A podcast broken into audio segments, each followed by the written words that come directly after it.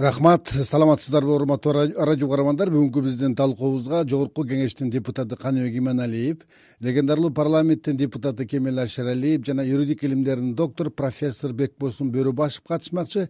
Баарыбызга жалпы бүгүнкү кырдаалга байланыштуу биздин э, талкуубузду телефон аркылуу жүргүзөбүз.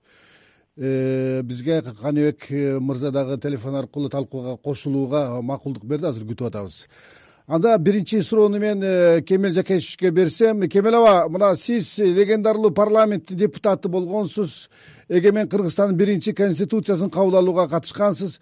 Ошол маалда эстеп көрсөңүз сиз мыйзамды баш мыйзамды кимдер тарабынан даярдалды кандай шартта кандай кырдаалда кабыл алынды эле? Ошол учурда парламенттин маанайы жалпы коомчулуктун маанайы кандай эле?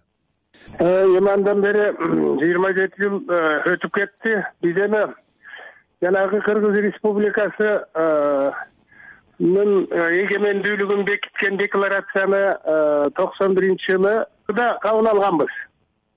Анан кабыл алгандан кийин эми сөзсүз конституцияны конституцияны иштеш керек болчу конституцияны кабыл алыш керек болчу эми өзүнчө эгемендүүлүк болгондон кийин деп анан ошол жерде биринчи жолу он үч киши менин эсимде ошо он үч киши боло турган болчу акаев баш болуп спикер анан алты областтын губернатору э, калган бир э, ушул юристтер болуп он үч киши киргенбиз анан э, биринчи жолу акаев өткөргөн биз ошондо айтканбыз. Бул азыр эми бул биринчи конституция муну эми жакшылап кабыл алалы.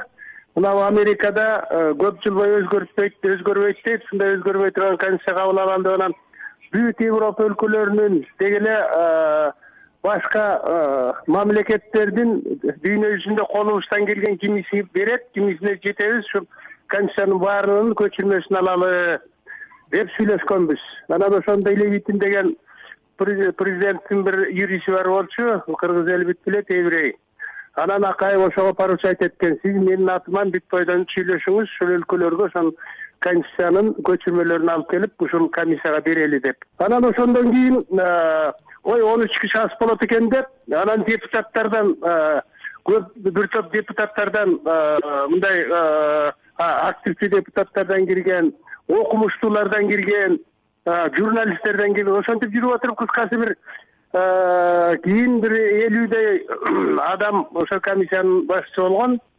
Анан эми действительно бул бул конституция ушунчалык көпкө талкууланды да эки жарым жылдай талкууладык да бир жакшырап кабыл алалы деп. Анан конституцияны кабыл алганда бул өзү жанагы парламенттин составына да жараша болот биздин ошондо парламенттер бүт бойдон абдан тажрыйбалуу көп жыл партиялык кызматтарда иштеген чарбалык кызматтарда иштеген көп жыл бою окуу жайын башкарган окумуштуулар академиктер жазуучулар ар бир улуттун өкүлдөрү анда немиси да бар татары да бар койчу орусу да бар. Баары жогу бар ошондой бир такшалган укмуштай болгон парламент болчу да. Анан парламентке ар бир э, сессияда биз ошол э, конституцияны талкуулап турдук. Ошентип отуруп анан бышырдык. Анан аяк жагында э, ушул бир биринчи окууну окуусунда кабыл алганда кызык нерсеси ошондо президент э, бул э, өкмөттү да башкара тургандай кылып жасалган болчу. Анан дагы бир талкуу болгондо э, менин эсимде бекен ушу текебаев бекен текебаевдер дагы параллельный бир конституциянын долбоорлорун предлагать эткен тойчубек да бир варианттарын предлагать этишкен. Анан ошол жерден текебаев болуш керек эле текебаев айтты. Эми бул өзү бизде бул конституцияда бийлик бөлүнүш керек. Президентский бийлик деген болот. Өкмөт бийлиги болот экөө биригип калыптыр. Э, а дегенде тиги э, президент ошол биринчи вариантка өзү макул болгон. Анан акаев унчуккан жок алып кетти. Алып кетип анан кайра кийинки талкууда ой бул туура эле айтылыптыр. Мен өкмөттү дагы өкмөттү өкмөттү өзүнчө бөлөлү мен президентский эле кылалы өкмөт өзүнчө болсун деп анан ошондой болуп бөлүнгөн анан эми ал жерде кыскасын айтканда мен детальдарын айтып атамын. Кыскасын айтканда бул конституция өзү абдан бир тең салмактуулукту алып келген конституция болгон да абдан күчтүү президенттин бийлиги болгон и ошондой эле күчтүү парламенттин бийлиги болгон. Рахмат э, бекбосын агай угуп атам саламатсыздар? Мына жогорудагы э, парламенттеги э, баш мыйзамдын кабыл алынышынын тарыхына кичине кабар алдык.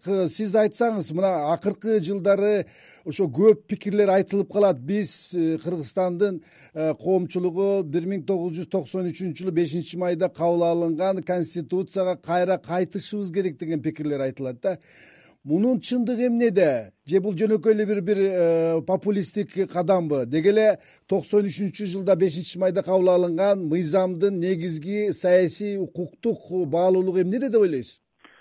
Саламатсыздарбы урматтуу радио каармандар биринчиден майрамыңыз менен куттуктайлы экинчиден могу илдеттен аман эсен чыгалы эми бул ошол токсон үчүнчү жылы кабыл алынган баш мыйзамдын жакшы жагы ошол убактагы жаңыдан калыптанып келаткан мамлекеттик түзүлүштү коомдук түзүлүштү бийликтин бутактарын адамдын укуктарын өз ордуна ошол убакта коюп берген. Муну биз жок деп айтканда болбойт.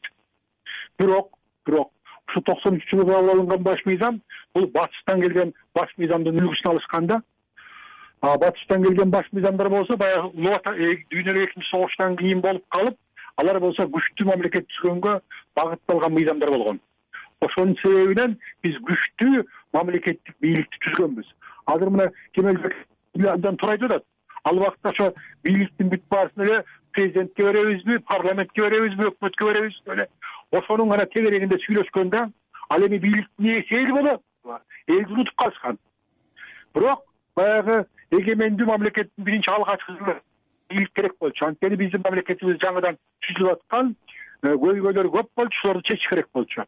Ошол убакта баягы балким бир беш он жылга бул өзүнүн милдеттерин аткарды деп айтсак болот. Бирок андан кийин э, конституциянын моделин ушунун баягы принциптерин колдонгонго болбой калды. Анткени аны турмуш өзү далилдеп койду.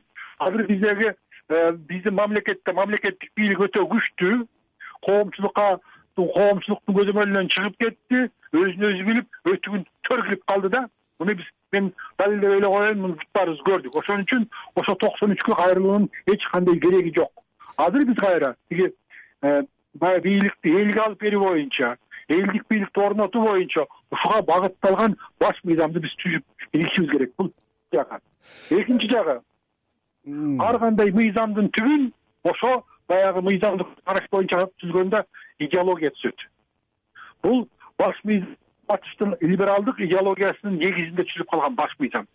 А либералдык идеология келди. Бизде мисалы үчүн экономикада жеке менчиктин абдан жогору көтөргөн диний эркиндикти берди сөз эркиндигин берди ошонун натыйжасында кыргыз коомчулугу кыйын абалда туруп калды ошон үчүн мунун идеологиялык базасын да биз кайра карап чыгышыбыз керек. Азыркы биздин жаңы келечекте биз иштеп чыккан иштеп чыгарткан баш мыйзамдын болсо түпкү неги э, нугу э, негизги идеологиясы улуттук болуш керек. Улуттук идеологияга негизделген баш мыйзамды бекбосын агай бекбосын агай э, мен сизден сизден артка кайрылуунун эч кандай кереги жок. Артка кайрылууну каалагандар же ошого дарамети келбегендер. Мен баарын сатаарысын ачык эле айтып коеюн баш мыйзам жазганга улуттук идеологияны э, баягы улуттук идеология ошону системага салганга ошону кайра бергенге дарамети келбегендер же болбосо түшүнбөгөн адамдар сүйлөп атат. Бекбосын агай мына э, баш мыйзамдын э, тарыхына кайрылып көрсөк сиздин эсиңизде бардыр деп ойлойм да. Токсон үчүнчү жылы кабыл алынган мыйзам эки жылга жетпей эле кайрадан өзгөрүүлөргө дуушар болду. Акаевдин заманындачы ага эмне себеп болгон? Негизги түрткү эмне болгон негизги себеби эле мен билем ооба токсон э, үчүнчү жылы кабыл алынган баш мыйзам токсон төртүнчү жылдын аягында көтөрүлүп токсон бешинчи жылдарда бизде референдум болгон. Ошондо эң биринчи эле негизги себеп бул баш мыйзамдардын баягы биз кайра кайра э, реформага барган себебибиз биздин бийликтин э, айрым өкүлдөрүнүн өзүмчүлдүгүнөн келип чыккан. Мисалы үчүн мына кыргызстанда он жолу конституциялык реформа болду ошо он жолку конституциялык реформа бир эле маселе боюнча болду. Башкаруунун кандай формасын алабыз дегенде. Башкаруунун гана формасын сурабашты да ал эми башкаруунун формасы деген эмне бул юридикалык илимде башкаруунун формасы мамлекеттик жогорку саясий бийликтин статусун аныктайт деген сөз. Ошон үчүн булар ким башкарат бул мамлекетти. Бир киши башкарабызбы же башкарабызбы же аралашып башкарабызбы деп эле ошонун гана тегерегинде же болбосо биздин саясий элита өзүлөрүнүн өзүмчүлдүгүн көрсөтүп койду. А бизде эмне үчүн ушул дагы мамлекеттин формасы бар. Мамлекеттин башкаруунун формасы бар саясий режим деген бар мамлекеттик түзүлүш деген бар.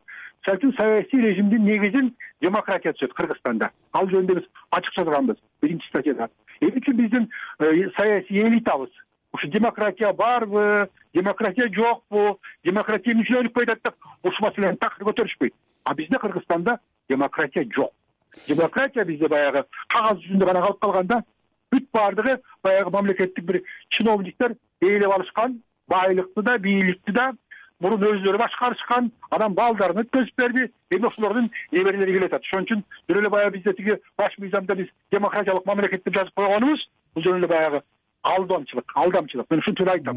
Ошон үчүн мына ушул демократия маселеси аларды кызыктырбайт кереги жок демократиянын анткени демократияга алар барышпайт. Өздөрүн демократтап демократтар деп атап атпайбы? Эч кандай аларга мындай демократиянын баягы эч кандай кереги жок да.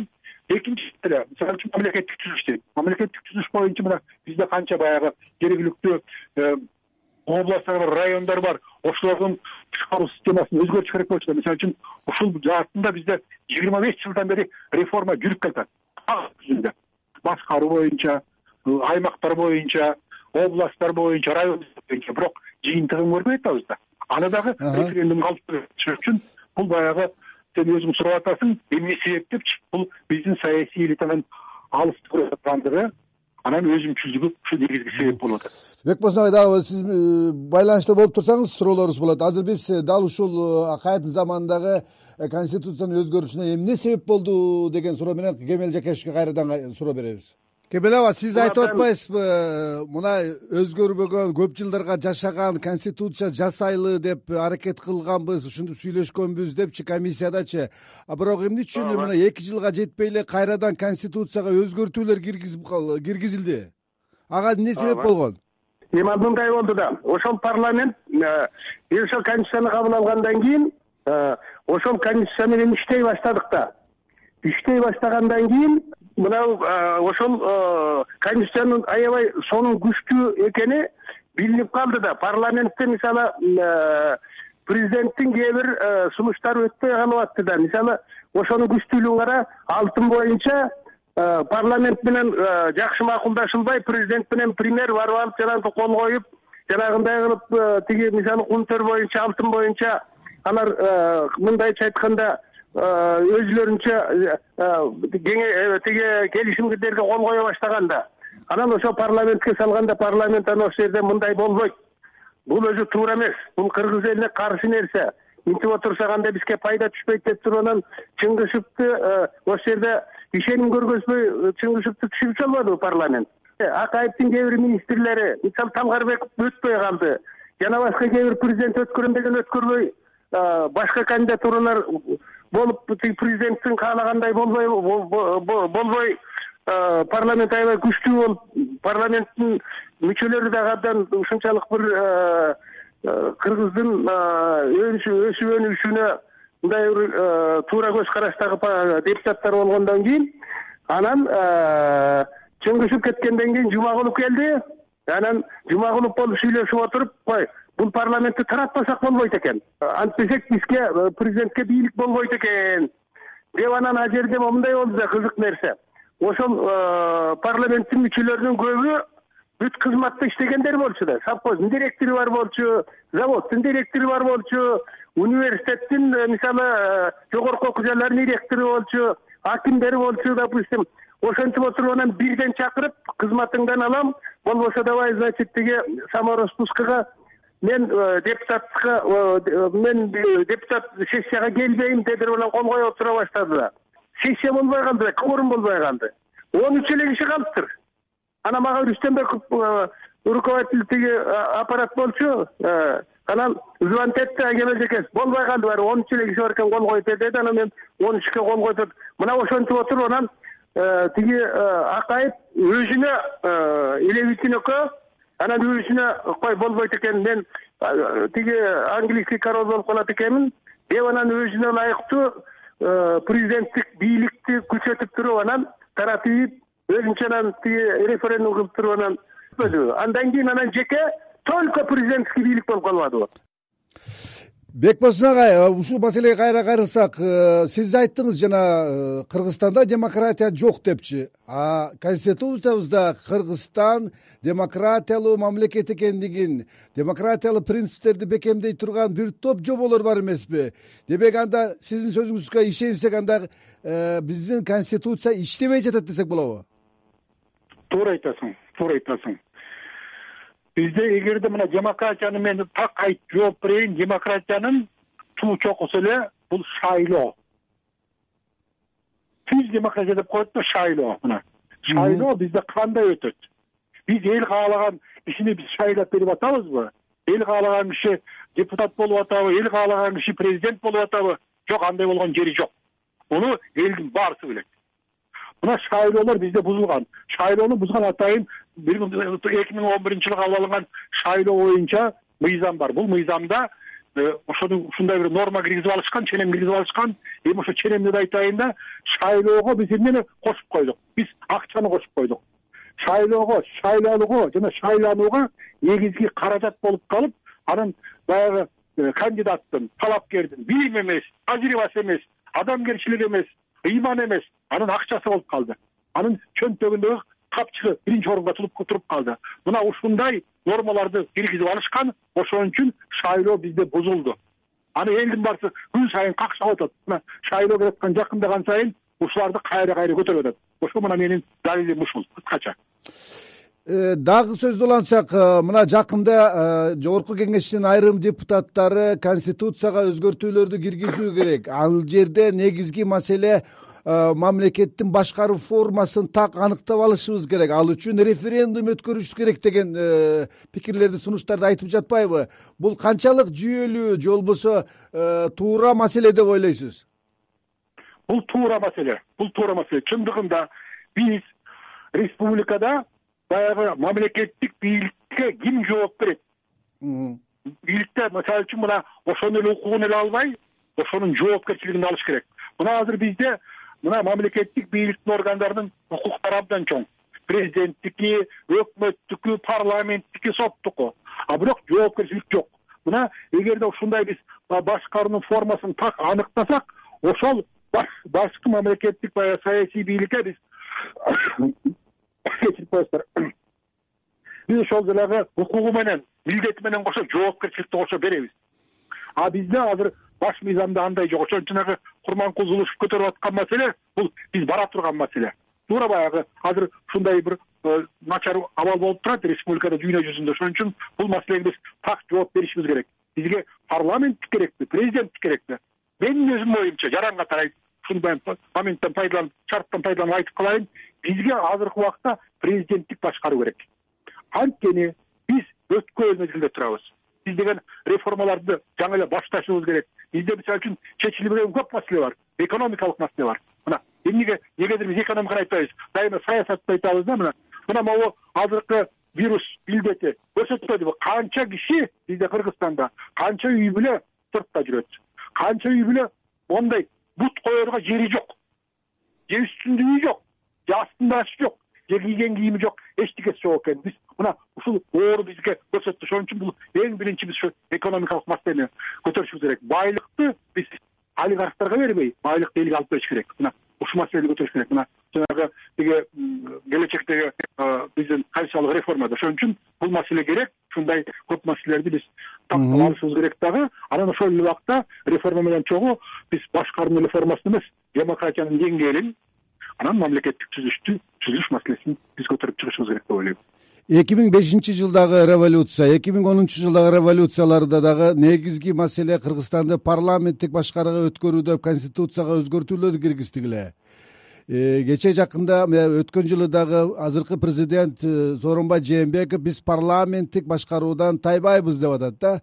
Э, бул менен сиз эсептешесизби? Бул жалпы элдин маанайы эмеспи? Мүмкүн парламенттик башкаруунун өнүктүрүүнүн механизмдерин бир иштеп чыгып калыптандырыш керектир деп сиздин туура. биздин э, саясий элита дегенибиз эмнегедир элдин оюн сурабайт биз могуну тик чечип койдук мына. Жана өзүң айткан тиги экинчи кыргыздардын көтөрүлүшү онунчу жылы ошондо энди убактылуу өкмөттүн мүчөлөрү биз деген парламентке барабыз. Парламенттик мамлекет курабыз деп туруп анан өзүлөрүнүн жазган чала жазган чийки баш мыйзамын венецияга көтөрүп чыккачканда ошол жактан биз деген тиги батасын алабыз. Элдин батасын эмес венециянын батасын алабыз деп ошол жака чуркашкан ошондон барып батасын алып келишкен эмне болду аягы ошон үчүн мына азыркы президентибиз атат парламенттик бизден тайбайбыз депчи. Азыркы парламенттик башкаруу деген эми парламенттик башкаруу бизде жок бирок өзүлөрү айтып атпайбы. Парламенттик башкаруу деген парламенттик демократия деген азыркы бийликке абдан ыңгайлуу. Мына карасаңар бийликтин башында президент турат бийликтин башында парламент турат. А бирок бүт баарысына жооп берген баягы садакача болуп сарыбулак болгон өкмөт. А биз деген эл деген шайлаганда буларды биз өзүбүздүн бул мандатты булардын колуна берип атабыз да. Президент менен тиги жогорку кеңешке а эмче булар элге жооп бербеш керек? Мына ушул жердин өзү туура эмес да мисалы үчүн мына өкмөт жаман экен өкмөт начар экен өкмөт иштей албайт деп өкмөттү сөгүшүп сагышып аябай тиги э, эметишип өкмөттүн мүчөсү чын айтып койсо ага теригишип сен мындай кылдың сен мындай кылдың тигинде бизден тиги абдракайтты э, абдракатты кетирдиң деп ушуга чейин барышат да ошол өкмөттү өзүлөрү даярдашкан ошол сиз айтып отурган бекболсун бекболсун агай сиз айтып отурган ошол э, президенттин жалпы эл шайлаган президенттин жана жогорку кеңештин жоопкерчилигин сурап алуу принциптери жоболору конституцияда э, бекемби ошондой? Ошондой жобо барбы өзү? Калп айткандай болбойм үчүнчү беренеде ушундай жобо бар. Бирок ошонун механизмдери кирген эмес. Мисалы үчүн биз депутат эгерде жогорку кеңештин депутаты начар иштесе аны чакыртып албайбыз. Ошого биз чыдаш ошого биз беш жыл чыдашыбыз керек да ал эмне кылса дагы? Мына ушундай жоопкерсиздик кирип калган. Жанагы француздардын булар көчүрүп алган француздардын баш мыйзамында атайын тогузунчу раздел тогузунчу раздел турат бөлүм турат. Ошол жерде укуктук саясий укуктук жаза э, жаза укуктук жоопкерчилик каралган. Француздардын өкмөтүнө француздардын президентине атайын ошолорду карап турган текшеп турган мамлекеттик органдар түзүлгөн. А биздин баш мыйзамыбызда андай орган жок жанагы токсон үчүнчү жылы кабыл алганда мына айтып атышпайбы бияктан тияктан алдык бияктан алдык депчи. Ошондон ошо жанагы жоопкерчиликке келгенде бүт баарысын көчүрүшкөн аккуратно француздарды кыргыз кылып туруп. Анан ошо жоопкерчиликке келгенде секирип ап өтүп кетип калышкан да мына ошол сиз айтып отурган ошол э, батыштан көчүрүлгөн э, мыйзамды венециядан бата алган мыйзамды сиз айткандай улуттук кызыкчылыктагы мыйзамга кылыш үчүн кандай негизги принциптер кириш керек конституцияда деп ойлойсуз кыскараак жооп берсеңиз убактыбыз бүтүп калды. негизги принциптер жоопкерчилик. Негизги эң негизги принцип мисалы үчүн биздин ата бабаларыбыз дагы бийликти түзүп келишкен мамлекетти түзүшкөн ошол убактагы эң негизги маселе жоопкерчилик маселеси болгон. Анан бийлик деген мына бийликтин өзүнүн жаратылышы ушундай бийликти биз жалак эле укуктук нормалар менен тейлей албайбыз. Ал өтө оор ошондо бийликте адеп акылактык нормалар дагы ченемдер да болуш керек. Рахмат рахмат урматтуу радио көрөрмандар бүгүн биз эгемен өлкөнүн биринчи конституциясы кандай шартта кабыл алынган? Конституцияны байма бай жаңыртууга эмне себеп болду? Азыркы баш мыйзам парламенттик башкаруунун өнүктүрүүгө өбөлгө боло алабы деген темалардын тегерегинде кеп кылдык. Бүгүнкү биздин э, талкуубузга легендарлуу парламенттин депутаты кемелдаш шералиев жана юридика илимдеринин доктору профессор бекболсун бөрүбашев катышты. Берүүнү мен бакыт оорунбеков алып бардым. Кайрадан эфирден учурашканча аман болуңуздар